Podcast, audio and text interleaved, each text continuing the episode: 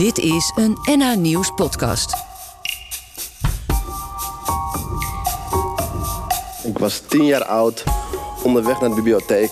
En ik vond het super spannend, want ik moest het helemaal alleen doen. En ik was heel op zoek naar met wie kan ik me identificeren. Ik ga kansen aan andere jongeren geven waar ik mezelf in herken. En de jongeren werden in plaats van eh, weggestuurd van pleintjes... nu met open armen ontvangen door de buurt. Mijn naam is Mohamed Jouna. Niet elke jongere heeft een kans op een succesvol volwassen leven. Dat is waarom ik strijd voor gelijke kansen voor alle jongeren. De opa van Mohammed komt als gastarbeider naar Nederland.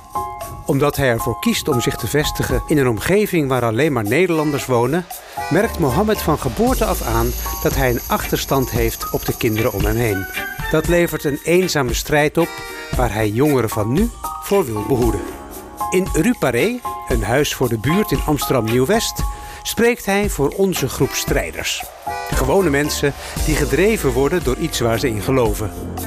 Samen met andere aanwezigen zijn ze elkaars publiek. In dat publiek zitten twee jonge mannen die hij heeft meegenomen. Saber en Samir. Zij zijn het levende voorbeeld van het effect van de inspanningen van Mohammed. Dit is het podium waarop inspirerende Noord-Hollanders ons vertellen wat hen drijft. Dit is de plek voor onze strijders. Ik zal het nooit vergeten. Ik was tien jaar oud, onderweg naar de bibliotheek om mijn spreekbeurt voor te bereiden. Mijn spreekbeurt ging over dinosaurussen. En ik was helemaal alleen in de bibliotheek, boekjes uit de bibliotheek om eh, mijn spreekbeurt voor te bereiden. En ik vond het super spannend, want ik moest het helemaal alleen doen. Op school werd ik ook goed voorbereid, want we kregen geen training in hoe moet je voor een groep staan, hoe moet je spreken, of hoe ga je überhaupt een, een spreekbeurt voorbereiden. En van thuis uit had ik helaas ook niet de begeleiding die ik nodig had. Mijn ouders gaven me heel veel liefde, maar konden me helaas niet zo goed begeleiden op school, want ze waren zelf geboren in Marokko en hebben nog nooit onderwijs gevolgd in Nederland. Ik neem jullie even mee naar hoe ik ben opgegroeid. Ik ben opgegroeid in een omgeving in de buurt van Amsterdam. In een wijk, best wel elite omgeving. Waar de norm eigenlijk was dat je een nieuwe fiets had, een voetbal. Je ging naar de sportvereniging. Je kreeg niet alleen maar zakgeld, maar ook kledinggeld. En je kreeg gewoon hulp van thuis uit. Want thuis had je ook een computer, had je gewoon boeken. Dus dat was de norm in de omgeving waar ik ben opgegroeid. Mijn opa kwam in de jaren 70 naar Nederland en besloot niet naar de grote stad Amsterdam te gaan als Marokkaanse gastarbeider. Maar die besloot naar een stadje net naast Amsterdam te gaan. Want zo kunnen mijn kinderen beter integreren, leren ze de Nederlandse taal en ook de normen en waarden. Nou, echt een visionair, mijn opa. Uh, maar het nadeel was helaas dat je dan opgroeit in een omgeving waar je voelt aan alles dat je anders bent dan anderen. Ik heb me ook nooit thuis gevoeld op die plek. En ik was heel op zoek naar met wie kan ik me identificeren.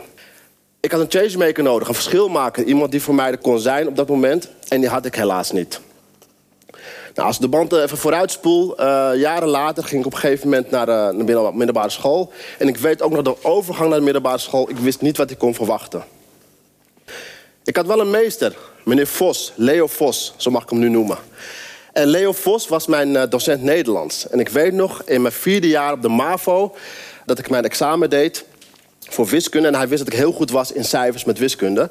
Dus uh, hij zei toen ik mijn examen had gehaald en ik had een 7 gehaald... Mohammed, volgens mij kun jij beter. Ik deed herexamen en ik haalde in plaats van een 7 een 8 voor mijn eindexamen. En meester Leo Vos leerde mij dat ik de lat hoog moest leggen. Niet veel later moest ik op zoek gaan naar een mbo-opleiding. En ik ging ook weer in mijn eentje op 15-jarige leeftijd scholen langs naar open dagen om te zoeken naar een opleiding die bij mij paste. Nou, jullie weten als geen ander, als je 15 jaar bent, dan ben je eigenlijk niet in staat om zo'n grote, belangrijke keuze te maken. Maar ik deed het wel. MBO Telematica werd het. Vraag me niet wat ik heb geleerd, want ik heb niks meer onthouden van die opleiding. Ik wist na een week al, dit is niet mijn plek, maar ik ga hem wel afmaken. Want mijn grote droom was, ik wil naar het HBO. In mijn laatste jaar werd ik bijna van stage afgetrapt... omdat ik eigenlijk niks deed. Ik zat op de verkeerde plek. En ik vond het eigenlijk ook helemaal niet leuk. Dus ik besloot ook om mijn opleiding wel af te ronden... want ik wilde naar het hbo. Niet veel later ronde ik gelukkig mijn opleiding af. Van de 50 studenten was ik één van de vier die mijn opleiding af had gerond. En ik kon eindelijk naar het hbo. Deze keer werd het technisch bedrijfskunde. Een stukje techniek, maar ook economie, want daar was ik ook wel goed in. En helaas ook weer een verkeerde studiekeuze. Want niet veel later stond ik op de bloemenveiling in de introductieweek. En ik weet nog dat ik dacht, wat doe ik hier? Hoe ben ik hier beland?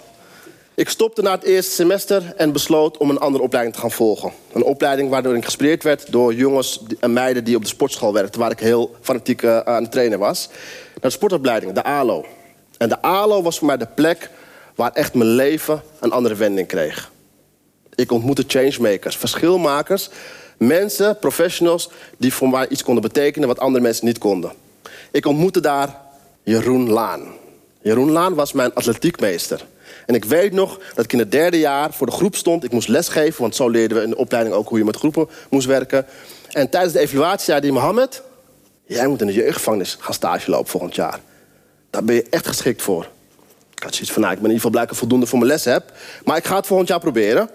En meneer Huytema, Douwe Huytema, was ook een van mijn docenten. En die heeft mij uiteindelijk geholpen om het jaar daarna bij de jeugdgevangenis stage te lopen. En het was de plek waar ik eigenlijk als, als een vis in het water was. Ik leerde met moeilijke groepen werken. Ik kon mezelf als, als instrument inzetten. En ik kon iets betekenen voor de jongeren wat andere mensen niet konden. Op hele jonge leeftijd. Niet veel later kreeg ik ook de kans om uh, mijn schoolopleiding af te ronden en naar het buitenland te gaan. En ik heb zes maanden in Brazilië gezeten. Daarna heb ik nog twee maanden gaan reizen. En daar ontmoette ik Onno Raadse, de oprichter van het project Tio Loiro. Hij gaf studenten van de ALO de kans om ervaring op te doen in het buitenland... door sport en spel in te zetten in sloppenwijken. Nou, het was voor mij de eerste buitenlandervaring. En wat ik vaak ook zeg, het is een onvergetelijke ervaring. Ik heb superveel geleerd en ook dingen die je niet op school zou kunnen leren. En ik weet nog, toen ik terug naar Nederland ging, dat ik dacht... wat ik nu heb ervaren, ga ik ook voor andere jongeren organiseren. Ik ga ook kansen aan andere jongeren geven... die opgroeien in omgevingen waar ik opgroei...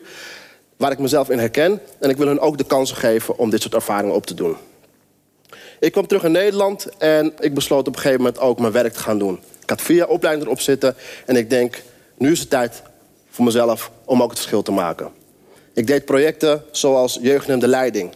Een project wat ik met collega's oppakte. Sebastian Abdallah en Frans Vlietman van de gemeente Amsterdam... gaven mij de kans om dit project op te zetten als projectleider. Ik ging jongeren uit de wijk opleiden als sportcoach... en die jongens en meiden zonder perspectief... die gingen de wijk in en die gingen andere kinderen in beweging brengen. En de jongeren werden in plaats van uh, weggestuurd van pleintjes... nu met open armen ontvangen door de buurt. Ouders, kinderen zagen op een gegeven moment rolmodellen rondlopen. En in vier jaar tijd hebben we heel veel bekende mensen leren kennen door het project. We hebben prijzen gewonnen en we hebben heel veel impact gemaakt in de wijk. Dat soort mensen hebben voor mij het verschil gemaakt. En op een gegeven moment dacht ik, hey, hoe kan ik voor mezelf ook het verschil maken weer voor anderen? En ik ben op een gegeven moment zelf projecten op gaan zetten binnen het onderwijs en ook daarbuiten. Ik ben per ongeluk docent geworden en zo ging ik op een gegeven moment in het mbo ook lesgeven. En ik weet nog dat een van mijn studenten, Giovanni, tegen mij zei... jaren later nadat ik hem in de klas heb gehad... meester, ik weet nog wat u tegen me zei, keer de les burgerschap... en u zei iets over discipline. Dat als de wekker gaat s ochtends, heb je twee keuzes. Je kunt in je bed blijven liggen of je kunt opstaan. Hij zei, meester, na die les ben ik nooit meer te laat gekomen. Ik heb mijn opleiding afgerond en ik ben daardoor in sport uh, gaan werken. En ik heb uiteindelijk wat van mijn leven gemaakt. Ik heb hier twee heren in de ruimte zitten... die ook uh, in mijn leven, levenspad voorbij zijn gekomen. Saber en Samir. En ook Samir ben ik tegengekomen tijdens mijn opleiding. En nou, Samir heeft eigenlijk een onuitwisbare indruk achtergelaten. Want Samir was ook een jongen die ik eigenlijk heel erg herkende in wie ik was. Hij heeft veel meegemaakt, van thuis uit weinig hulp gekregen... maar had toch de ambitie om zijn opleiding af te ronden. Helaas niet gelukt. Maar jaren later toch gekozen om zijn eigen bedrijf te beginnen. En ook Saber heeft ondertussen gekozen... na heel veel coachgesprekken en heel veel koffiedates... om het verschil te maken voor andere jongeren. Op dit moment heb ik mijn bedrijf uh, Yauna één missie... en dat is Build Strong Youth. It's easier to build strong youth than to fix broken adults. En vanuit die gedachte en vanuit die overtuiging... probeer ik het te zijn voor jongeren het verschil te maken voor hen. En ook te investeren in al die professionals die elke dag klaarstaan voor de jongeren om het verschil te maken.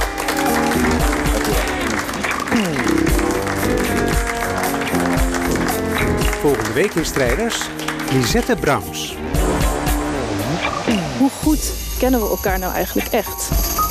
Steeds harder gingen er mensen tegenover elkaar staan. Vooral nog bezig met schreeuwen, maar niet meer bezig met luisteren als je met elkaar in gesprek kan, dan kan je ook weer met elkaar in verbinding.